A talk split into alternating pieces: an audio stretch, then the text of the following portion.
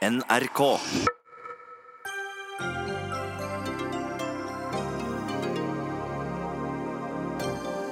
Lykkeønskningene strømmer på på samenes nasjonaldag, men vi skal snakke om det langt mindre lystige, nemlig diskriminering og hets. For ny studie viser at samer dør tidligere enn etniske nordmenn pga. nettopp diskriminering. Fremskrittspartiet er eneste parti på Stortinget som er for aktiv dødshjelp. Nå ønsker de at flere partier tar tak i problemstillingen, møter Venstre til debatt hvis ungdomsparti er enig med nettopp Frp. Jeg vil bare gå til diktaturer, jeg vil ikke argumentere med miljøvernere, sa presidenten for Det internasjonale skiforbundet, og beklaget det delvis etterpå. Men hva sier Idretts-Norge til dette? Og den nye fylkeskommunen Viken på Østlandet skal få hovedkontor, men politikerne har valgt å holde den prosessen unntatt offentligheten. En hovedkontorsak bør ikke avgjøres uten at presse eller innbyggere får overse debatten, sier Senterpartiet.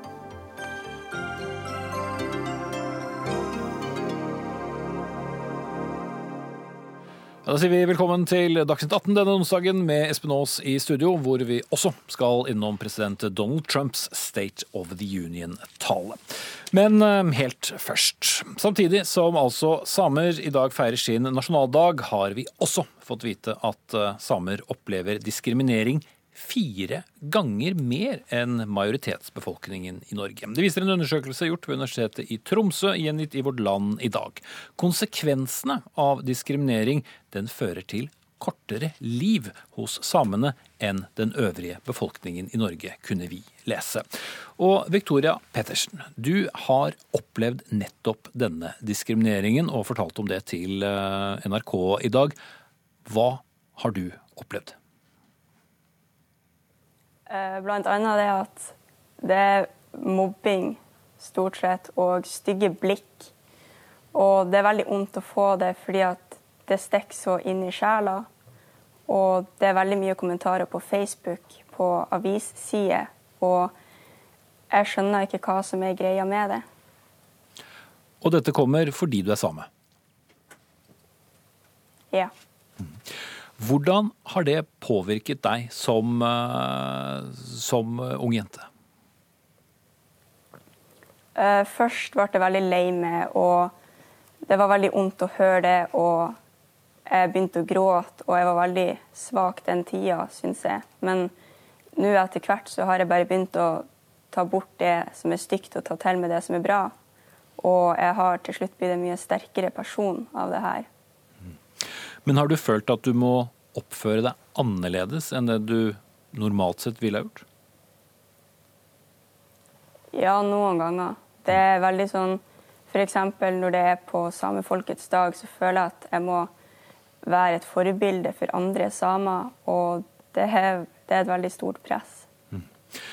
1.2 i år så ble en mann dømt for eh, samehets for første gang i Salten tingrett. Hva tror du en slik dom kan ha å si for nettopp hets?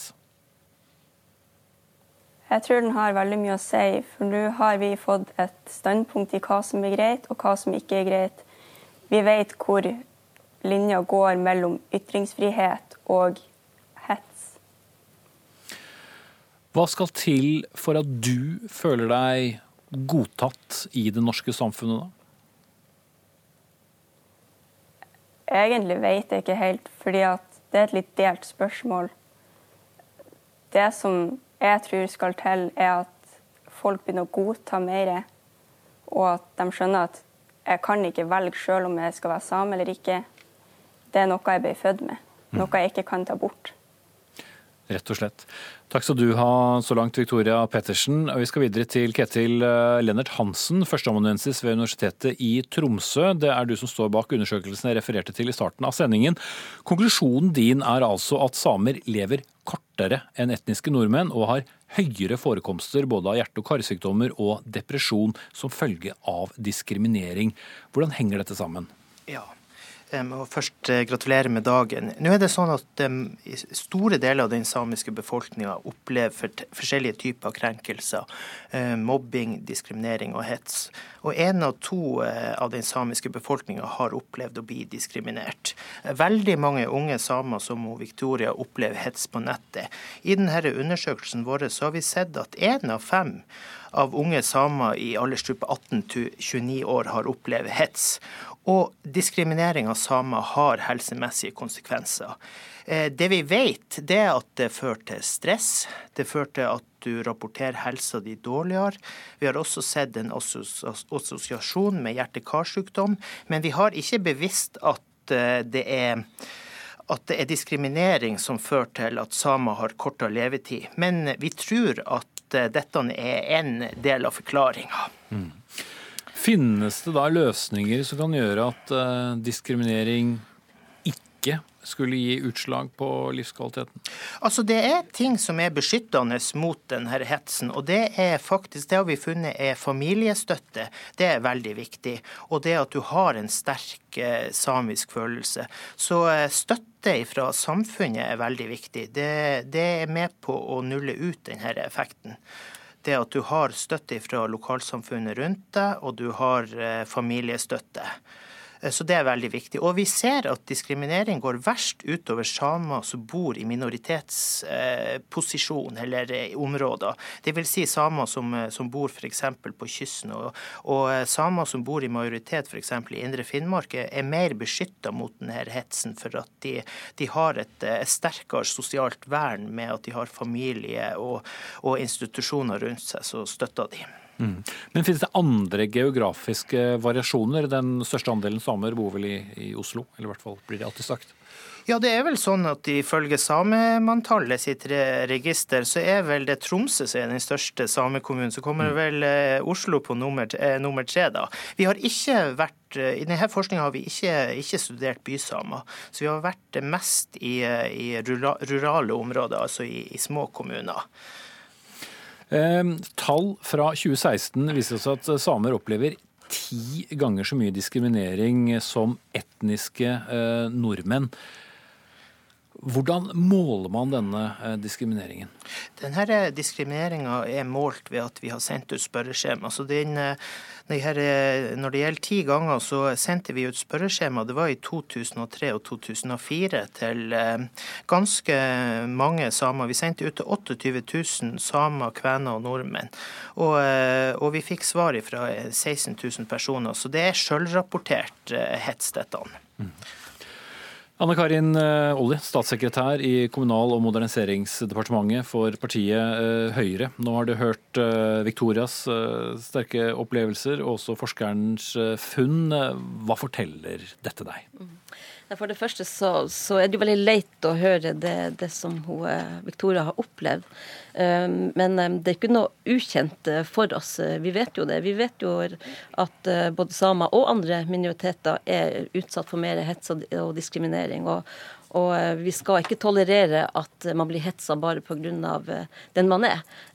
Så um, Det er vel for så vidt alle helt enige om, eller åpenbart ikke, da, siden ja, diskriminering ja. foregår. Mm. Men som styrende myndigheter, dette er jo ikke et nytt fenomen, som Nei. du selv er inne på. Dette har jo foregått eh, i alle tider? Ja, det har foregått i alle tider. Og, eh, og regjeringa eh, jobber mye i forhold til det. Blant annet så, så, så jobber vi nå med en handlingsplan mot rasisme og diskriminering pga. etnisitet og religion. Og planen den skal legges fram i slutten av året. Og vi har også lagt fram en strategi mot hatytringer. Men når det er sagt, så, så vet man at holdningsarbeid tar tid. Jeg jobber som helsesøster sjøl og jobber med forebyggende arbeid og, og holdningsendring. Og man vet at det tar tid. Og man må ha tiltak på veldig mange plan. Eh, Ketil Lennart uh, nevnte jo også noe her, at det her med, med, at man har beskyttelse i sterke relasjoner, det her med at man har en stolthet. Så det er viktig at man styrker både, både språk og kultur hos samiske barn og unge, for da, da er man på en måte rusta. Sånn som Victoria er her. Hun er, hun er sterk. Hun, hun, forteller sin historie, og det viser jo styrke. Selv om selvfølgelig det er ganske, ganske skjellsettende og opplevende, sånn som hun har Men det er vel resultatet hos han Herding? snarere ja. enn å ha vært sterk i utgangspunktet? Ja, um, ja, men samtidig så er det noe med hun som jeg tenker at hun, en, en, eller annen stolthet og noen rundt henne som, som gjør at hun, hun, kan være trygg i der hun står. Og jeg tenker at um, ansvaret ligger Man må tilta på veldig mange plan. I skole, altså man må ha kunnskap. Og jeg tror kunnskap er med på å endre holdninger. Og kunnskap gjør at, at at uh, vi kan forebygge hets og hatefulle ytringer. Mm. Uh, Jeg går til deg, Sandra Borch, stortingsrepresentant for Senterpartiet. Vi snakker om 2019. Den etniske gruppen som har vært her lengst, opplever like fullt den diskriminering som vi hører om, både fra Victoria og som veldig mange andre har fortalt om at de opplever i dag. Kan man gjøre noe annet enn å prøve med den ene handlingsplanen etter den andre?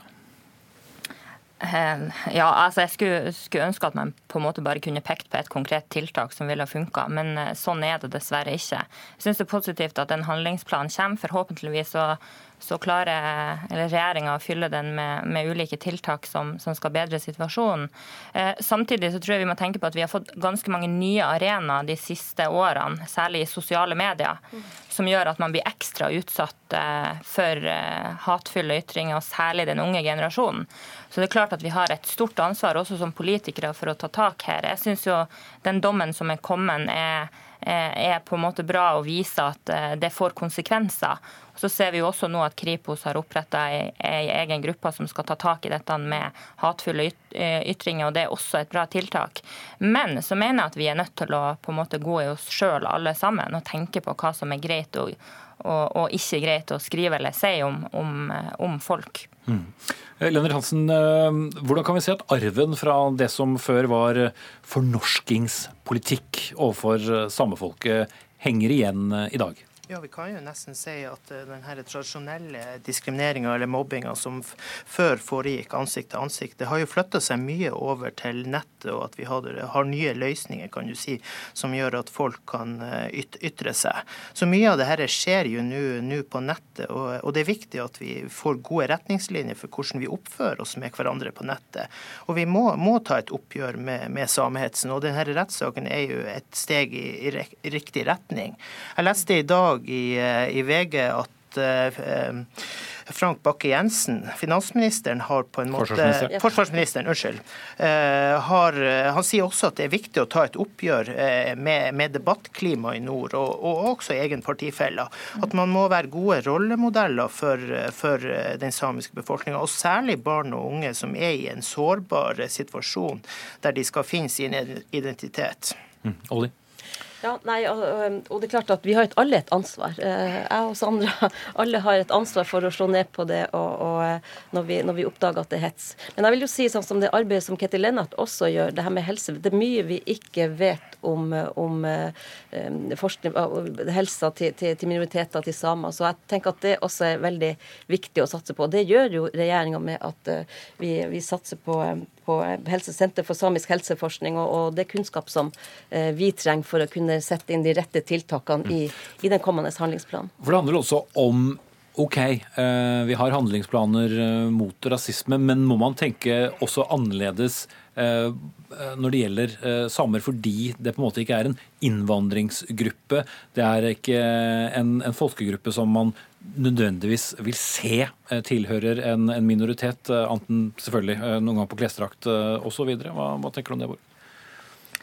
Eh, nei, jeg tenker, jeg, jeg beit meg merke i noe av det Victoria sa, at vi kan ikke noe for det. Vi er på en måte eh, født som samer. Og jeg syns det er litt synd at vi på en måte er, er der. Eh, jeg syns at vi skal på en måte bygge opp den kulturen og den stoltheten vi bør ha for å ha det samiske folket i, i Norge. Jeg er jo sjøl oppvokst i en, kommune, en, samisk kommune hvor man på en måte har sett eh, med egne øyne at det på en måte har vært et, et skille mellom det som da kalles nordmenn og, og samer. Eh, så den, den skillelinja der mener jeg man bør prøve å viske bort. Og så må man dyrke den samiske kulturen, ikke minst styrke det samiske språket, som gjør at man på en måte får den tilhørigheten og stoltheten man bør ha for å være same. Mm. Og Egon Holstad skrev jo en kronikk i dag som sto i Tromsø nettopp, hva som skjer på denne dagen hvert eneste år, fordi aviser trykker på nett at det er samefolkets dag, og så tar det nærmest fyr i kommentarfeltene. Mm. Ja, og sånn har det jo vært. Men samtidig så tenker jeg jo også at mye positivt har skjedd i løpet av de 20 eller 30-20 10 årene. Og jeg, jeg, tenker det er jo første gang i år at jeg ser at det har vært så mye samiske, sam, Det samiske har vært omtalt i Morgenbladet. hadde jo et hel, Hele avisa var jo full av det. Det har vært artikler i VG og KK hadde jo cover med hun Elle Marie. Og jeg tenker at så, sånne typer det, det, er viktig på en måte at det samiske også blir synlige. Men mitt poeng er at jeg er same sjøl, og, og, har, har, kjent på det på, på, på ulike vis. Det må ikke akkurat sånn som, som, som Victoria har gjort. Men jeg er opptatt av at, at det her gjelder også andre minoriteter. Og, og, jeg tenker vi som samer også skal, skal gå til forsvar for de andre minoritetene eh, her i landet eh, også. Så jeg tenker det at um, ja, det, det, det, skjer for mange samer, men det er også mange andre del. Mm. Men er det også et paradoks at det særlig er 6. februar, som eh, vi først og fremst snakker om uh, samer i de store mediene? Ja, det syns jeg. Altså, men samtidig så syns jeg det er veldig bra at vi har samenes eh, nasjonaldag for å på en måte eh, markere. Eh, og så mener jeg liksom Det er litt sånn som Olli er inne på, fordi at eh, den nye arenaen sosiale medier eh, det er veldig lett å ta eh, folk som på en måte har en, en, en, bakgrunn som kanskje har vært debattert og diskutert. Det gjelder både samer, det gjelder andre minoriteter, det gjelder personer og barn med nedsatt funksjonsevne. Det er ganske, ganske mange dette gjelder. Og så mener jeg at vi er nødt til å på en måte ta et samla oppgjør. Den generasjonen som nå vokser fram, vokser, fram, eh, vokser opp med sosiale medier. Og da må man på en måte ta et oppgjør med, med eh, debattklimaet der. Og så mener jeg at eh, vi bør gå i front, også vi politikere, særlig i, i de, de, Tromsø særlig, som har flest samer, at politikere bør, bør anerkjenne samene som som et, folk og være med på å, å bidra til at eksempelvis større kommuner blir eh, samiske kommuner. Mm. En dag for eh, feiring for veldig mange, men også et litt dystert bakteppe til det hele. Takk til eh, Anne Karin Olli, statssekretær i Kommunal- og moderniseringsdepartementet for partiet Høyre, Sandra Borch, stortingsrepresentant for Senterpartiet, og Ketil Lennart Hansen, førsteamanuensis ved Universitetet i Tromsø. Og vi hørte også Victoria Pettersen i begynnelsen av denne debatten.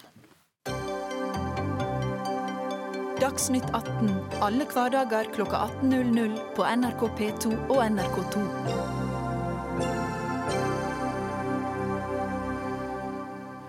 Debatten rundt eh, aktiv dødshjelp har skutt fart igjen etter at tidligere kreftsyke og nå avdøde Inger Staff Paulsen skrev en kronikk om temaet som ble publisert i Dagbladet nå etter hennes død.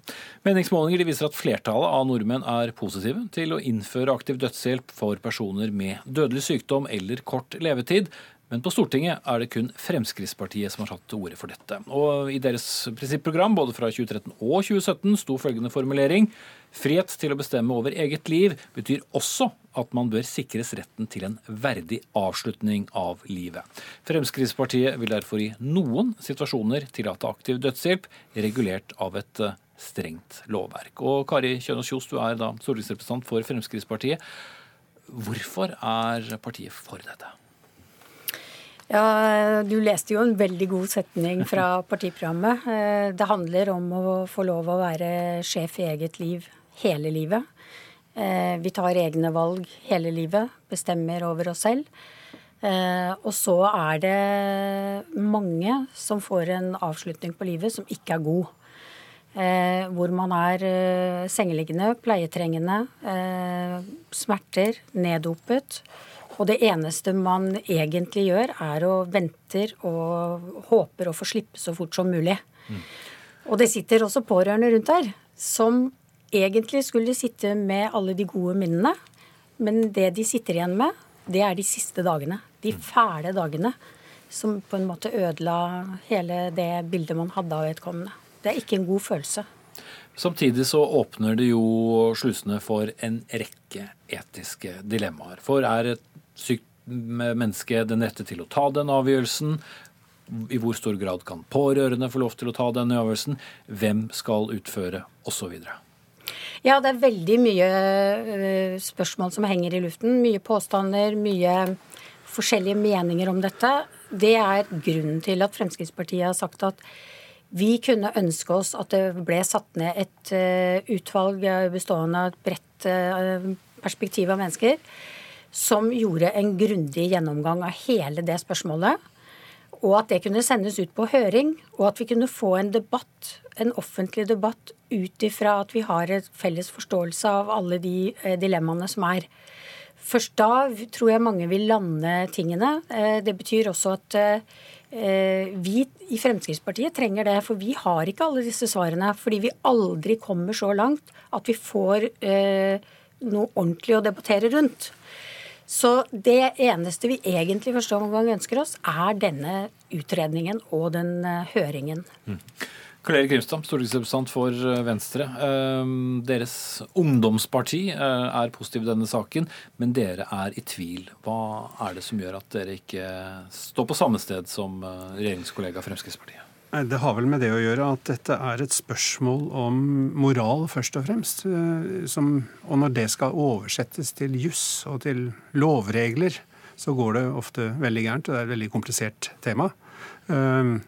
Og jeg er veldig glad for at Fremskrittspartiet anlegger, anlegger innestemme i denne saken her, for det er, dette er faktisk et av de aller, aller vanskeligste temaene det går an å diskutere i, innenfor rammen av stortingssalen, vil jeg tro. Og, og det har jo med mange ting å gjøre. Eh, for det første så dreier det seg om personen selv. Eh, personens bevissthetsnivå. Det dreier seg om, eh, om legeprofesjonen og legeprofesjonens vurdering av, av, av, situasjonen. Og så dreier det seg om de pårørende. Og alle disse tre polene behøver ikke spille i samme retning.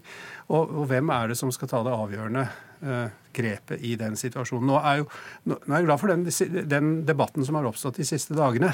For det er klart at i de situasjonene, eller den situasjonen spesielt, da, et oppslag i Dagbladet, så, så, var jo bevissthetsnivået helt uh, til, til, stede. Og vedkommende visste hva hun gjorde. Uh, åpenbart. Men, men, det er jo ikke gitt at det er det i enhver situasjon. Hvem som skal vurdere det, det vil jeg nesten ikke sette meg til doms over. Og, Mange vil um, si Det letteste er jo å bare si at uh, vi fortsetter som, uh, som vi gjør, så slipper man å ta stilling til alle disse vanskelige etiske ja, og, ja, og det er jo selvfølgelig en litt uh, avvikende, eller avventende holdning, og kanskje litt feig holdning. Til, til, dette, til, dette, spørsmålet. Men i det man, som du antyder, i det man fastslår at man åpner opp for aktiv dødshjelp, så oppstår en rekke andre spørsmål, f.eks. aldersgrense.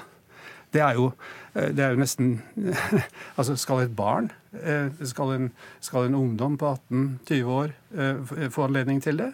Hvem er det, hvem er det som skal ta avgjørelsen for barnet?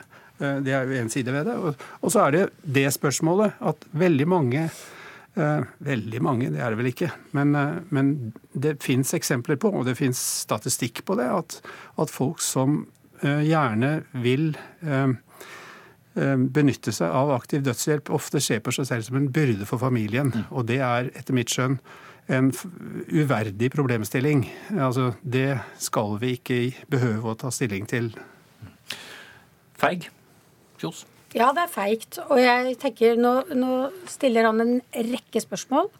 Og det er grunnen til at jeg sier at sånn har vi holdt på i årevis. Hver gang dette skal debatteres, så kommer de spørsmålene. Ja, hvem skal bestemme, hvilken aldersgrense, alt det.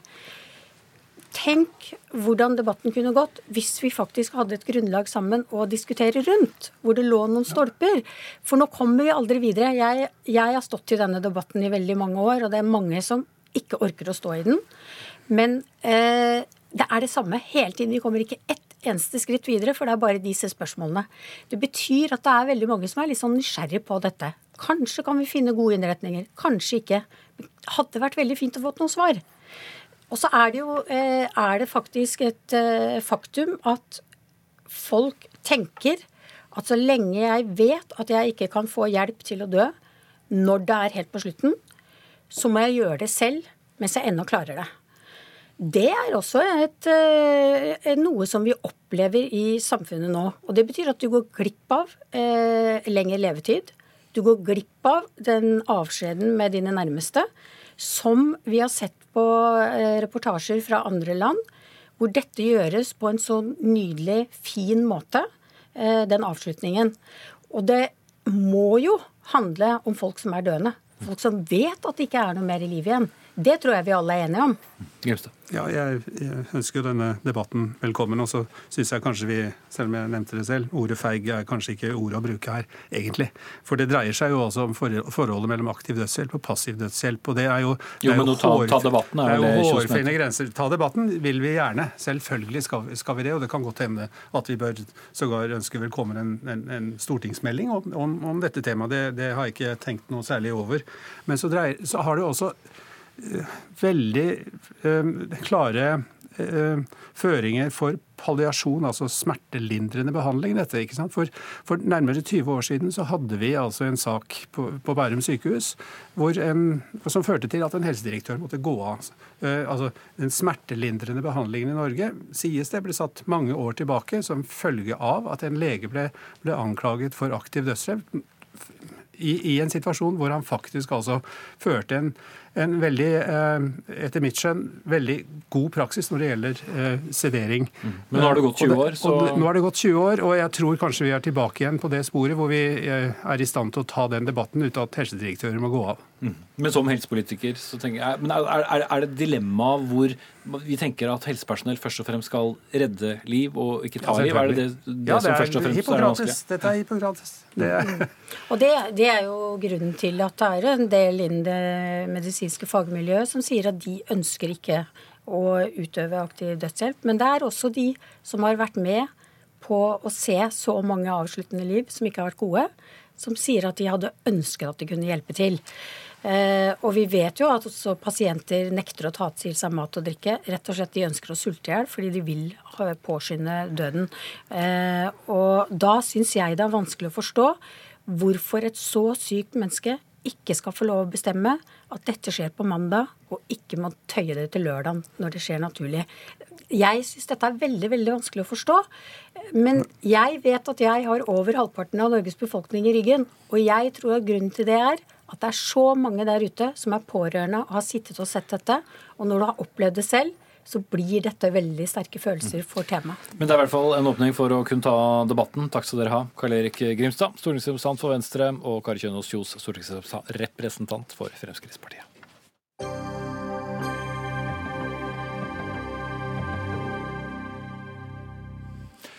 Toppsjefen for um, all verdens vinteridretter eh, vekket eh, oppsikt da han eh, anbefalte diktaturer fremfor demokratier som arrangører av VM og OL, bl.a. fordi man da slipper å argumentere med miljøbevegelsen. I et intervju i den sveitsiske avisen Tages Anzeiger beklager eventuelt morsom uttale der, sa presidenten i Det internasjonale skiforbundet FIS, eh, Gian Franco Casper, at sitat, du må ikke spørre folket, og jeg vil bare gå til diktaturer, jeg vil ikke argumentere med miljøvernere. Senere har han beklaget uttalelsen og sagt det var en misforståelse som ikke skulle tas bokstavelig, men har likevel ikke hevdet seg feilsitert. Og hvordan har du reagert på denne historien, eh, stortingsrepresentant for SV og tidligere leder av Amnesty i Norge, Petter Eide? Ja, det var jo en sjokkerende uttalelse. Det syns jeg definitivt. eh, Det er, eh, og det er et uttrykk for kanskje en holdning blant noen av verdens idrettsledere. At de syns at både miljøbevegelsen, men også menneskerettighetsbevegelsen stiller for store krav til hvor de skal plassere store idrettsarrangementer. Det, det jeg er opptatt av, og jeg- som jeg tror jeg har støtte i si, den internasjonale både miljø- og menneskerettighetsbevegelsen, det er at eh, et, et stort idrettsarrangement som et OL eller et verdensmesterskap må være basert på en demokratisk, folkelig forankring i det landet hvor det er plassert. Det krever enorme investeringer. Det krever kanskje eh, betydelige investeringer i, eh, i infrastruktur og i anlegg. Eh, og det har et betydelig klimaavtrykk. Og i noen land har vi også sett at det har betydelige menneskerettighetsomkostninger. Så dette er noe folkene i de landene selv skal bestemme. Det er ikke noe en diktator skal bestemme. Mm. Tilbake i 2014, før du begynte på Stortinget, så skrev du i, eh, i Dagbladet at eh, i fremtiden risikerer vi mer og mer diktatorenes OL. Ja. Har det blitt slik? Eh, eh, altså det, det spådde jeg den gang, og det tror jeg at jeg vil stå på enda, nettopp fordi at i demokratiske land Sånn som i Oslo for et par år siden, som sa nei til å ha et stort var OL, var det ikke i Oslo? Ja. Mm. Så um, de sa nei til det, fordi uh, altså det var folk i Oslo som sa nei til det. Og en rekke andre land i Europa sa også nei til det. Fordi kostnadene her er så store. Det vil bare tas av andre ting. Det vil tas av velferden. Tas av sykehusbudsjetter og skolebudsjetter. Um, og hvem er det da som, har, uh, som er villige til å påta seg en sånn greie? Jo, det vil være diktatorer. Fordi de trenger ikke å spørre sitt eget folk. Mm. Ikke sant? I vestlige land og i demokratier må man spørre folket, men diktatorene trenger ikke å spørre det. Derfor vil disse arrangementene i større og større grad bli lagt dit i framtiden. Tom Tvedt, stadig president i Norges idrettsforbund. Hvorfor avviser ikke IOC og FIS, der du sitter i styrene, da diktaturer som eh, arrangører? Ja, Nå sitter ikke jeg i de styrene. Eh, jeg har jo lest eh, denne meldingen som kom like overraskende som alle andre, at dette tar vi jo sterk avstand fra. Jeg har faktisk i verden, og i IOC og Ski, har jeg vel aldri sett noen, eller noen i dag som har vært enig i dette. Det som er viktig å si, det er jo at disse organisasjonene er i ferd med å endre seg. og Når man snakket om diktatoriske stater, så er jo eh, det neste OL blir lagt til Tokyo. Eh, så er det Paris. Så er det Beijing i 2022. Og så er det LA. Sånn at det, det dette handler om, det er jo at vi som idrettsorganisasjon må stå opp for våre verdier. Jeg som idrettspresident og, og leder for olympisk komité i Norge, vi er nødt for å stå opp for våre verdier. og Derfor er jeg veldig opptatt av at vi har den diskusjonen. På spørsmålet om folkeavstemning så er jeg helt enig. Altså I Oslo så var det jo Oslo kommune, eller Oslo-innbyggerne som fikk ta den beslutningen. De stemte jo ja da i folkeavstemningen, men så ble det jo stoppa siden.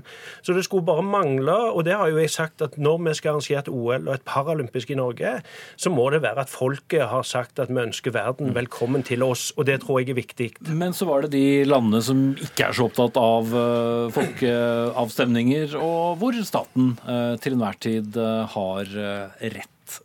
Kunne man presset litt mer på det? Ja, ja, altså Fra vårt ståsted er det viktig både når vi er ute og reiser med våre idrettsutøvere og står for våre verdier, men, men, hvis du ser på Sverige nå som er inne i mulig søknad til 2026, noe vi støtter veldig, så har jo ikke de hatt folkeavstemning ennå. Eh, sånn at eh, i den forstand så, er ikke det vanlig, men jeg mener jo at det at det er forankra i folket når man inviterer hele idrettsverden, det bør ligge som en basic, enten det er via stortingsvalg eller direkte folkeavstemning. Mm. Men så brukes det ofte som et argument da, eh, at eh, de store eh, ja, olympiske komité og andre skal ikke drive politikk. Man vurderer søknaden ut fra, fra andre ting. Er det fortsatt det som er grunnholdning? Ja, altså Det som ligger til grunn, det er at IOC og det som heter IPC, som den en paralympisk organisasjon som vi er en del av, det er jo et fredsprosjekt. Det er jo det det starter på. Og For oss er det viktig at vi deltar med andre ungdommer rundt forbi. Og så er det jo slik at IOC har jo endra hele søknadsstrukturen sin, bl.a. etter prosessen vår opp mot 2022. Nå er det jo de to landene som står igjen, f.eks. i 2026, Sverige og Italia, så skjer jo dette ut ifra bærekraftsmål. Det er stort fokus på miljø, som det var i 94 her. Og nå forhandler man eventuelt med de landene som er interessert i å arrangere et OL og paralympisk. Og jeg håper jo Men dette er ikke spesielt omstridte land? Eh, med, med styresettene. Nei, og, men, men, igjen så viser jo én ting i OL og paralympisk, men her er det jo mange verdensmesterskap som òg går i hele verden.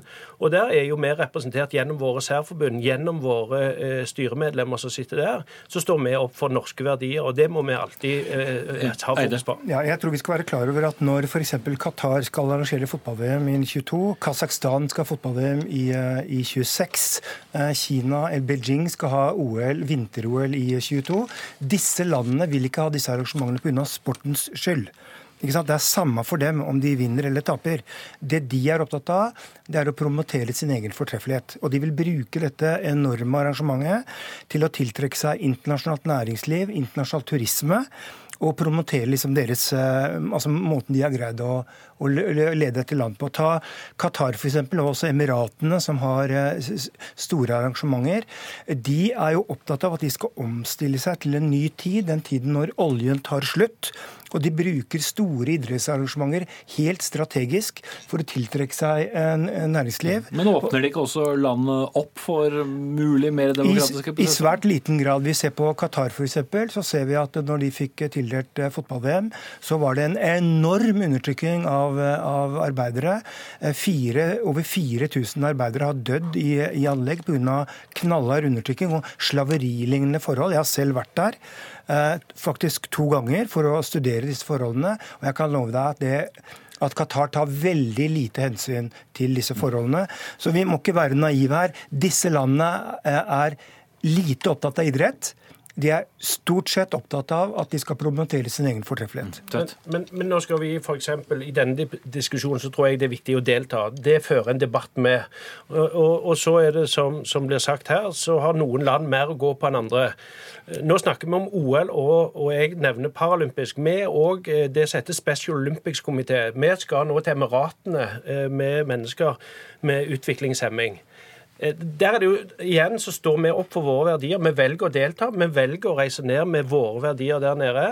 Men da er det sånn Media har jo ingen interesse av å delta. Det er en særdeles, som alt annet med idrett, om det er fordi at det er utviklingshemma, så er vi nødt for å tørre å ta denne diskusjonen. Og det er særdeles viktig, uavhengig av hva idrettsarrangement vi er, så er det viktig at vi fra Norge hevder eh, våre verdier og står for det. Og så tror jo, så tror jo jeg, eh, som du, eh, Petter, er veldig klar over, det at vi må jobbe med våre utøvere. Vi må passe på at våre utøvere driver idrett og ikke politikk. Og så er det opp til oss som ledere klare å stå oppreist i den diskusjonen. Noen vil sikkert ønske det annerledes. Jeg skal ta inn en tredjeperson her. Birger Løfaldli, du er sportskommentator i Adresseavisen. Hva er din eh, reaksjon på, på FIS-presidentens uh, uttalelser? Nei, den er jo akkurat som eh, alle andre.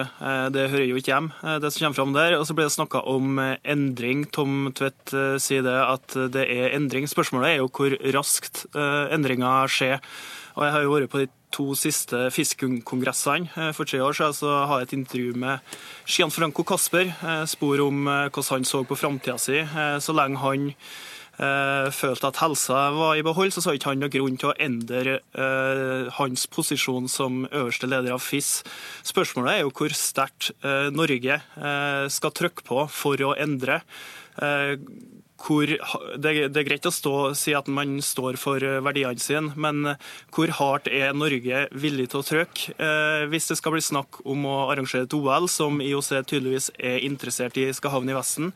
Hvis det er sånn at Trondheim nå søker om ski-VM for tredje gang, kanskje som eneste kandidat, hvor tøffe krav er de da villige til å stille til FIS for å ha Eh, få til endringer. Mm. Ja, for Det må jo være et dilemma, Tvedt, at eh, hvis man blir den det bråkete lille landet som hele tiden skal i hermetegn gnåle om menneskerettigheter og, og demokrati, kan ikke det også innvirke negativt på oss når vi søker om idrettsarrangementer? Nei, det tror jeg ikke. Og det er ikke sånn at Norge alene er de som står opp for disse spørsmålene. Det er andre vestlige og andre land som gjør det samme. Så tror Jeg det, jeg er jo enig med Berger. altså Først må vi skille mellom FIS, eh, som Kasper nå er president for, og han er æresmedlem i IOC, men han har ingen beslutningsmyndighet der. Og så er det i alle våre 54 særforbund eh, har internasjonal representasjon. Noen idretter er jo langt inne i østblokklandene, og da er det viktig at vi er fra Norge velger å heve stemmen vår. Og hvis vi skal komme så langt at vi skal tie for å få et idrettsarrangement, da, vi, da har vi tapt. Og Da får vi heller eh, tørre å stå. Og Min erfaring i det internasjonale ordskiftet det er at vi blir lytta til. Eh, og så er òg de verdiene vi står for, de blir påpekt positivt. Så igjen, vi er nødt til å reise, opp, reise oss opp og delta, og ikke snakke om boikott. Mm. Men er stemmenivået høyt nok? Ehm, jeg er redd for at den internasjonale idrettsbevegelsen, og kanskje også norske idrettsbevegelsen, eh, kan opptre som nyttige idioter i noen sammenhenger når de deltar i arrangementer eh, ute. Fordi eh, man, man, tør ikke å være tydelig nok på at dette er galt, eller man, tør ikke å, man er også med på en beslutning om at arrangementene skal legges dit. Den internasjonale menneskerettighetsbevegelsen har jo de siste årene hatt stort fokus på dette, og man prøver å få på plass noen slags sjekklister for altså, hva, hvilke krav skal man stille til en, til en deltakernasjon. Og Da skal det være sjekklister knyttet til arbeidsrettigheter, knyttet til miljøvern, knyttet til demokratiske prosesser. Alt dette skal legges inn i anbudsprosessene. Og, de landene som ikke tilfredsstiller dette, ja, de får ikke lov å, være arrangør av et stort mesterskap. Mm. Løfaldli, eh, du var så vidt inne på det. Du, du, setter altså i en kommentar også spørsmålstegn ved eh, Trondheims søknad om VM i 2025. Men, men hvordan faller det inn med, med FIS-sjefens oppførsel? Uh, nei, uh, Trondheim har jo tapt to ganger. Uh, og skrev en kommentar før siste fiskekongress om at måten utvelgelsen av verdensmesterskap på ski på, det er forkastelig, fordi at man vet ikke spillereglene. Eh, de ulike kandidatene møter opp eh, på kongressen og har med seg mat og drikke og eh, skal servere og innynde seg overfor de her fisktoppene, men han vet ikke hva det er som gjør at de ulike byene får mesterskapet. Er det den som har den beste søknaden, eller er det helt andre ting? Hele det systemet, det at det er stort sett eldre menn som eh, tar beslutningene, at stemmegivninga er hemmelig. Eh, alle disse momentene er jo noe Norge må presse på for å skape endringer eh, i. Jeg tror ikke at boikott er måten å gjøre det på. Jeg tror at Trondheim nå, hvis det er sånn at Trondheim blir eneste søker, så er de i en veldig sterk posisjon. og Da kan de stille tøffe krav til FIS om at hvis vi skal ha det mesterskapet her, så må det endringer til. Og det her gjelder jo ikke bare innen ski, det her gjelder innen alle andre idretter. Eh, og det er jo noe som eh, Tvedt og eh, hans kollega må ta skikkelig på alvor. Mm. Kort til slutt, Tvedt. Ja, men, men, igjen, dette med VM, det er en e-, egen søknad i 2025. Og jeg opplever jo både de to foregående søknadene til Trondheim så mener jeg jo at de stiller krav både på miljø, bærekraft. Jeg mener det er gode søknader. Og så er jeg enig gjennom alle de idrettene som vi ikke har fokus på. Vi snakker mye om OL, men f.eks. så har bryting nå fått tildelt eh, sitt mesterskap i 2021 i Oslo. Det er en idrett som, som er tungt forankra i Øst-Europa, og jeg skal love at eh, idretten står oppreist der. Ønsker velkommen til Norge på, på norske verdier. Mm. Da må vi sette strek. Takk til Tom Tvedt, eh, president i Norges idrettsforbund, Petter Eide, stortingsrepresentant for SV, og Birger Løfaldli, kommentator i Adresseavisen.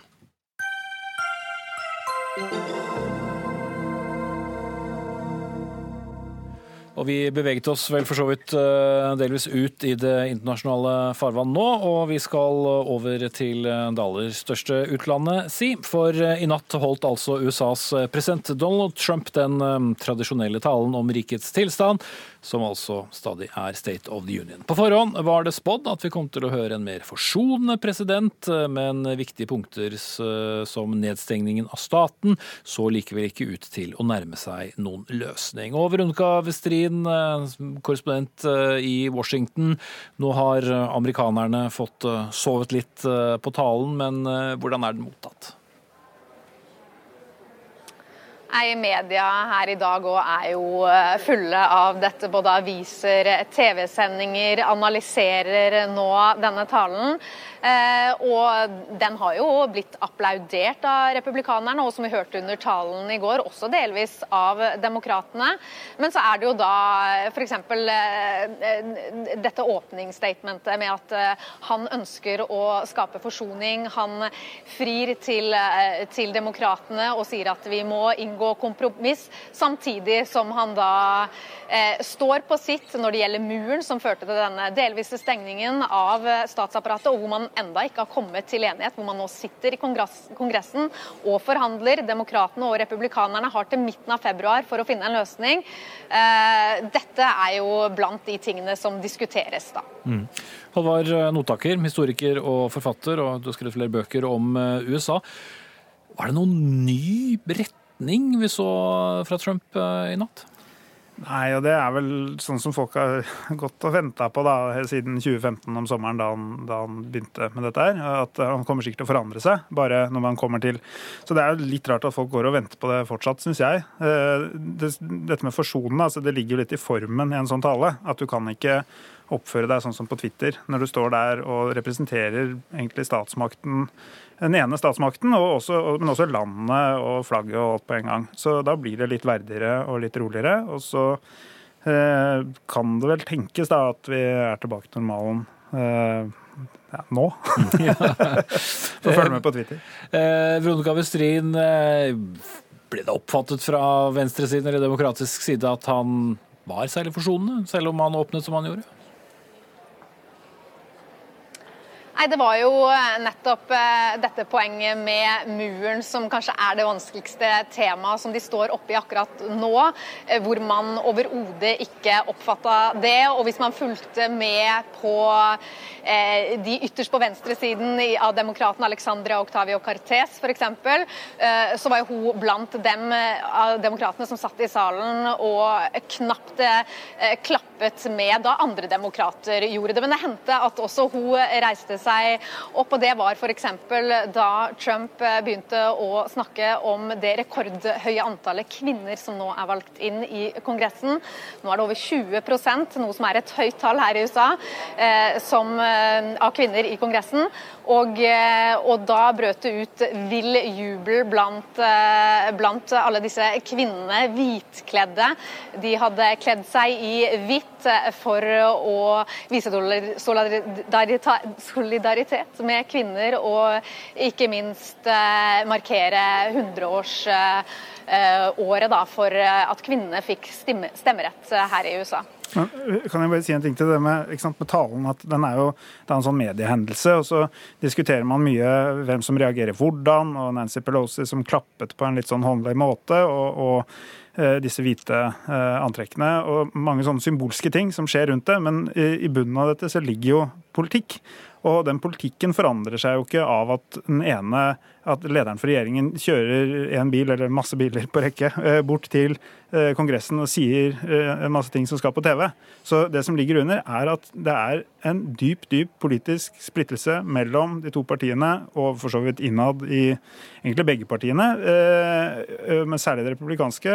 Og man, da får man ikke gjort noe selv om han er hyggelig og forsonende. Så det er jo noe de trenger i amerikansk politikk, er også at flere er litt ålreite med hverandre. Men eh, det ordner seg ikke av det. Han vil ha masse penger til å bygge en mur. Han vil ha en viss type innvandringspolitikk, og det skaper veldig splittelse. og det der var, Hvis han skulle vært forsonende der, så måtte han jo hatt et uh, utspill til et kompromiss. Og det var jo ikke noe mer uh, antydning av det enn at han ikke fremmet noe ultimatum. Og det, det er kanskje ikke så mye å bygge på. Men eh, likevel, når en president holder en tale, så skal den da bli analysert. Men mye av dekningen går jo også på hvorvidt han eh, hadde helt rett i alle tingene han sa. Altså En del medier har bedrevet sånn eh, faktasjekk på deler eh, av talen. Er det så nyttig i et allerede polarisert politisk klima? Nei, Jeg så, jeg så på Fox News uh, sin nettside rett før jeg gikk inn her. Og, og der var jo da faktasjekk hos det de oppfatter som, som uh, liberale medier eh, blitt nyhetssaken, hvor de mente at en del av den faktasjekken var dårlig. Så det er på en måte faktasjekken blitt nyheten i seg selv. Men dette springer jo ut av at mange amerikanske medier gikk inn i en ganske sånn grundig sjelegranskning etter 2016, hvor de lovet seg selv at de ikke skulle bli utnyttet eh, av en kandidat som mikrofonstativ, på den måten de nok syntes kanskje de hadde latt seg bruke i 2016. Og Derfor så vil man se en del steder at overskriftene nå ikke uten videre lar seg eh, spille med av f.eks. alle de gjestene som sitter på galleriet og er illustrasjon av forskjellige poenger, sånn at du får nesten følelsen av å sitte og se på en sånn eneste lang velkomst Eh, tale, eh, rett og slett. Eh, så, så det, jeg tror det med faktasjekken, det, det er noe som, springer ut av en slags søken etter identitet som journalister i, i redaksjonene. Det, det, vil ikke være noe de slipper. Men det er ikke alt man kan fange opp ved å dele opp en tale i småbiter. Nei. Eh, Veronica Westrin, er det noe president Trump har fått eh, oppmerksomhet Nå har han fått oppmerksomhet for mye, for all del, men er jo noen av disse politiske toppmøtene som han da har hatt eh, tidligere. Og dette var også noe han brukte tid på i talen i natt, og også, også fremover på seg selv som, som en som kan rydde opp. Ja, og jeg hører jo at det sies interessante ting her. F.eks. det at han var jo innom enormt mange temaer. Han brukte jo også tiden til å fri til eh, kristne velgere, republikanerne, eh, når det gjaldt, abortspørsmålet. Så det var jo ikke bare eh, forslag til kompromisser med demokratene som Trump la fram under denne talen. Eh, men når det gjelder Nord-Korea, så presenterte da han denne datoen for et nytt eh, toppmøte. og Nå fikk jeg ikke helt med meg spørsmålet ditt, Espen. Jeg tror jeg må høre det en gang til. Ja, altså Han pekte også fremover, nettopp da med et nytt møte med, med Kim Jong-un. og der har han forventninger. Ja, Han håper jo på en full atomnedrustning, og han gikk jo ganske langt i denne talen ved å si at uh, han mente at dersom ikke han hadde vært president, så hadde man vært i, i krig med Nord-Korea. Eh, og Så får vi jo se da hva som blir resultatet. Nå vet vi at det har vært ett toppmøte i Singapore, og så skal det nå altså bli et nytt i Vietnam i slutten av denne måneden. Mm. Og Notager han tok jo også et litt sånn oppgjør, da, apropos det vi snakket om i stad med, med faktasjekk, men eh, han gikk jo til et annet nivå og sa at videre undersøkelser av hans lederskap det utgjorde nærmest en risiko for uh, USA. Hva, hva, var poenget hans? Nei, altså Han sa det rimte jo, da. Kanskje det var derfor han hadde med, fordi legislation og investigation uh, rimer. Uh, jeg synes av det mest, altså Man kan være uenig med Trump i skattepolitikk og alt mulig rart, og det, det er på en måte en helt grei sak, men Donald Trump oppfører seg i møte med disse, denne etterforskningen på en måte som, som, er mer sånn demokratisk problematisk, for han kommenterer hele tiden denne etterforskningen for han er part, og han er også da den øverste overordnede for de som driver etterforskningen. Og det, Hvis ikke vi hadde, det hadde vært så mye annet rart hele tiden, så hadde jo det vært en gedigen skandale at et statsoverhode i en tale til eh, en av de to andre statsmaktene sier at han ikke skal etterforskes. Eh, både av dem, selvfølgelig, som han henvender seg til, men implisitt også denne Russlandsetterforskningen som pågår, og som Kongressen er opptatt av å beskytte. Så, så, det der, uavhengig av hva han mente med det, fordi man kan tolke det mm, som en måte å bare si at vi må ha et bra klima, ikke, ikke bøll med meg. Eh, men, men, uavhengig av det så fremstår det som helt uvanlig grovt for meg at, eh, eh, at han i det hele tatt kommenterer etterforskningen. Men det gjør han jo hver dag på Twitter, så da er ikke det en nyhetssak. Og det er rett og slett sprøtt. Og apropos Twitter, en av de sakene som ble kommentert kanskje aller mest blant en del vanlige folk, var hvorfor slipset hans hang så skjevt. Men vi skal ikke analysere det nå. Nei, jeg ikke til det. Takk til deg, Alvar Notaker, historiker og forfatter, og USA-korrespondent eh, Veronica Westrin. Hør Dagsnytt 18 når du vil. Radio NRK Radio.nrk.no.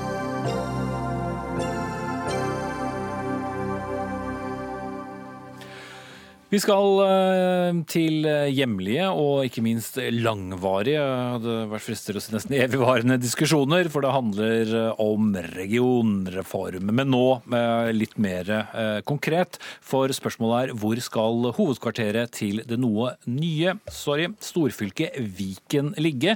Altså Buskerud, Akershus og Østfold. Den prosessen er det kun 34 politikere i det som heter Fellesnemnda, som har eh, innsyn i. Ingen av innbyggerne i de tre fylkene eller mediene vil få informasjon om hva som kan bli resultatet, før politikerne eventuelt tar en beslutning i morgen under et møte i Sarpsborg i Østfold. Sakspapirene som administrasjonen i Viken har forberedt, er nemlig unntatt offentligheten. Administrasjonen mener også at møtet bør være lukket inntil fellesnemnda har tatt beslutning. Og Morten Voldseth, gruppeleder for Akershus eh, Senterparti, du har skrevet en pressemelding hvor du oppfordrer politikerne i denne fellesnemnda til å åpne dørene, og mener også at saksdokumentene må være offentlige.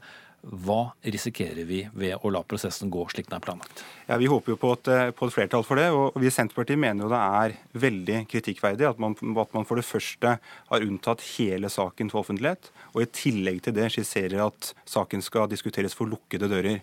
Eh, det å investere i et, gjøre et vedtak om et nytt fylkeshovedkontor for det som blir Norges største fylkeskommune, det blir uten tvil en gigantinvestering. Det vil, uavhengig om, om hva som er hemmelig her, så vil, sier det seg selv at det vil koste mye. Det vil påvirke fylkeskommunens økonomi, tjenestetilbudet til innbyggerne.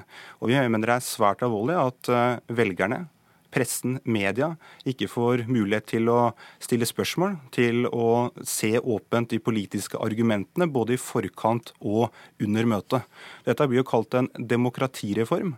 Eh, men hvis vedtaket om å lukke dørene for en sånn politisk diskusjon blir stående, så mener vi det viser hvor lite inkluderende, hvor lite involverende hele Viken-prosjektet er. Mm. Vibeke Limi, du er gruppeleder for Akershus Fremskrittsparti og med oss på telefon. Hvorfor er det en god idé å holde denne prosessen eh, utenfor offentligheten?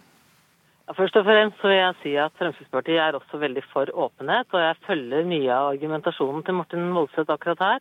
Men viktigst det er at vi holder disse kortene tett. Fordi det er ikke sikkert at fellesnemnda i morgen vil gå for den løsningen som vi er foreslått. Og vi skal ivareta skattebetalernes penger. Det dreier seg om veldig store summer. Og derfor så må vi vite hva vi gjør, og ikke kaste kortene i forhold til de forhandlingene som har pågått, og de tallene som fremkommer der da har man faktisk ingenting å melde hvis vi skulle gå en ny runde, når de andre som er aktuelle, i så fall hadde innsyn i dette. Men eh, nå tror jeg nesten jeg kan høre lyden av alle disse innbyggerne i det som skal bli Norges eh, største sammenslåtte eh, fylkeskommune, som lurer på hvorfor ikke de skal få vite om det. Altså, Hva konkret er risikoen ved å la offentligheten få innsyn? Det var det, akkurat det jeg sa. Ja, men... hvis, du, hvis, du, viser eh, frem, altså de forhandlingene som har foregått, de tallene på en markedsleie, eventuelt kjøp, eh, så vil det eh, for, forkludre en ny runde eh, for å finne et eventuelt et annet lokale, et annet sted å bygge, eventuelt leie. Eh, her er det flere, altså Vi har jo hatt et utgangspunkt hvor vi har tre forskjellige muligheter. Eh, det er blitt én. Men det er fortsatt tre andre som kunne være interessante. Og vi kan ikke forutsi hva fellesnemnda gjør i morgen. Mm. Veldig mye tyder på at vi går for den innstillingen som er. Men igjen, det hefter stor usikkerhet ved dette, og derfor forstår jeg argumentet om at man bør ha innsyn. Samtidig så skal vi ivareta skattebetalernes penger, og vi snakker om store summer. Okay. og Derfor så må vi holde kortene tett. Eh, med respekt å melde, det er ikke fellesnemnda som forhandler om nytt hovedkontor, det er det administrasjonen som gjør. Hele saksgrunnlaget har unntatt offentlighet. Her kunne administrasjonen eventuelt ha unntatt deler av det. Eh, informasjon som ikke burde ut. Her har man eh, unntatt hele saksgrunnlaget for å vedta et nytt hovedkontor for Norges største fylkeskommune. Det er sterkt kritikkverdig, og det er overraskende at Fremskrittspartiet, som her snakker om skattekroner, ikke er interessert i at innbyggerne skal få vite hvor mye penger skal gå til å bygge Eh, investere i et nytt hovedkontor for Viken, ikke er interessert i å få fram tallene, så at vi kan få en politisk debatt om hvilke prioriteringer fylkespolitikerne i morgen skal gjøre. I stedet så legger man her opp til at et knippe få politikere skal alene i et rom avgjøre så store investeringer, så store bruk av skattebetaler som det legges opp i saken. Det mener vi er kritikkverdig. Det med håper vi inderlig at Fremskrittspartiet og de andre politikerne i fellesnemnda tenker seg godt om eh, og endrer syn i morgen, så vi kan få en åpen og skikkelig debatt eh, om eh, hva er det vi bør prioritere. Eh, pengebruk og skattebetalernes penger i forhold til Viken fylkeskommune og nytt hovedkontor. Det fortjener innbyggerne å vite hva vi mener. Ja, for Limi, NRK har jo fått kjennskap til at Sandvika skal være førstevalget til denne administrasjonen som har forberedt saken for møtet i morgen. og Uten å gå inn på en stor diskusjon om det, hvis man da skulle falle ned på det vedtaket, så er det vel all grunn til å tro at veldig mange innbyggere vil ha en sterk mening på nettopp dette valget, men det, da, de, da, har de ikke noe de skal ha sagt? Er det sånn å forstå? Ja, det, er jo, det, er jo, nettopp sånn at vi er jo vi sitter jo der på vegne av velgerne. Vi har fått den tilliten til å gjøre gode valg. Og ja, jeg er enig i at det er ikke noe spesielt bra at vi må, må gjøre det på denne måten. Men akkurat i dette tilfellet så tror jeg og mener at det er helt riktig. Og det er faktisk demokratisk. og Derfor vi politikere sitter på vegne av befolkningen i fylkestinget, i kommunestyrer. Vi Men dere ble jo valgt forresten fire år siden, da, så det var ikke sikkert at velgerne da tenkte på at akkurat dere skulle ta stilling til hvor uh, hovedkontoret til uh, fremtidig Viken skulle ligge? Altså, vi, vi, tar stilling til over 8 milliarder i året i økonomiplanen som styrer dette fylket. Uh, og nå skal vi inn i et fylke som blir dobbelt så stort.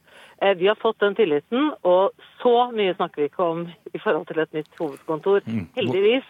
Og jeg tror jeg kan love at vi er veldig nøkterne når det gjelder hva slags hovedkontor vi skal ha. Vi skal ikke bygge noe palass. Ok, Voldseth. Jeg tror akkurat pengebruk når det gjelder Viken, er vel ikke akkurat vi i Senterpartiet enige er nøktern, og tvert imot. Hvor mange titalls millioner som er brukt på det prosjektet, det er én debatt. Men vi mener det er åpenhet. Det er en svært viktig side ved demokratiet i Norge. Vi kan være uenige, vi kan debattere saker, men det er svært uvanlig at så viktige saker unntas offentligheten, lukkes for diskusjoner. Vi kan godt forstå det når det dreier seg om enkeltpersoner. det dreier seg om enkeltvedtak eller taushetsbelagte opplysninger, men her i en sånn type sak så mener vi det ikke er grunnlag for å skjule debatten for innbyggerne, for media. Da må man være åpen og tørre å stå for det man mener. Takk. Kanskje får dere et uh, svar på dette spørsmålet, dere i fylket nå. Alle oss andre i morgen. Takk til eh, Morten Voldseth, gruppeleder i Akershus Senterparti, og Vibeke Limi, gruppeleder i Fremskrittspartiet i Akershus. Ansvarlig for denne sendingen, Fredrik Lauritzen. Erik Sandbråten hadde det tekniske ansvaret. Jeg heter eh, Espen Aas, og uavhengig av hva som måtte skje i diverse fylkeskommuner, Dagsnytt 18 er tilbake igjen i morgen.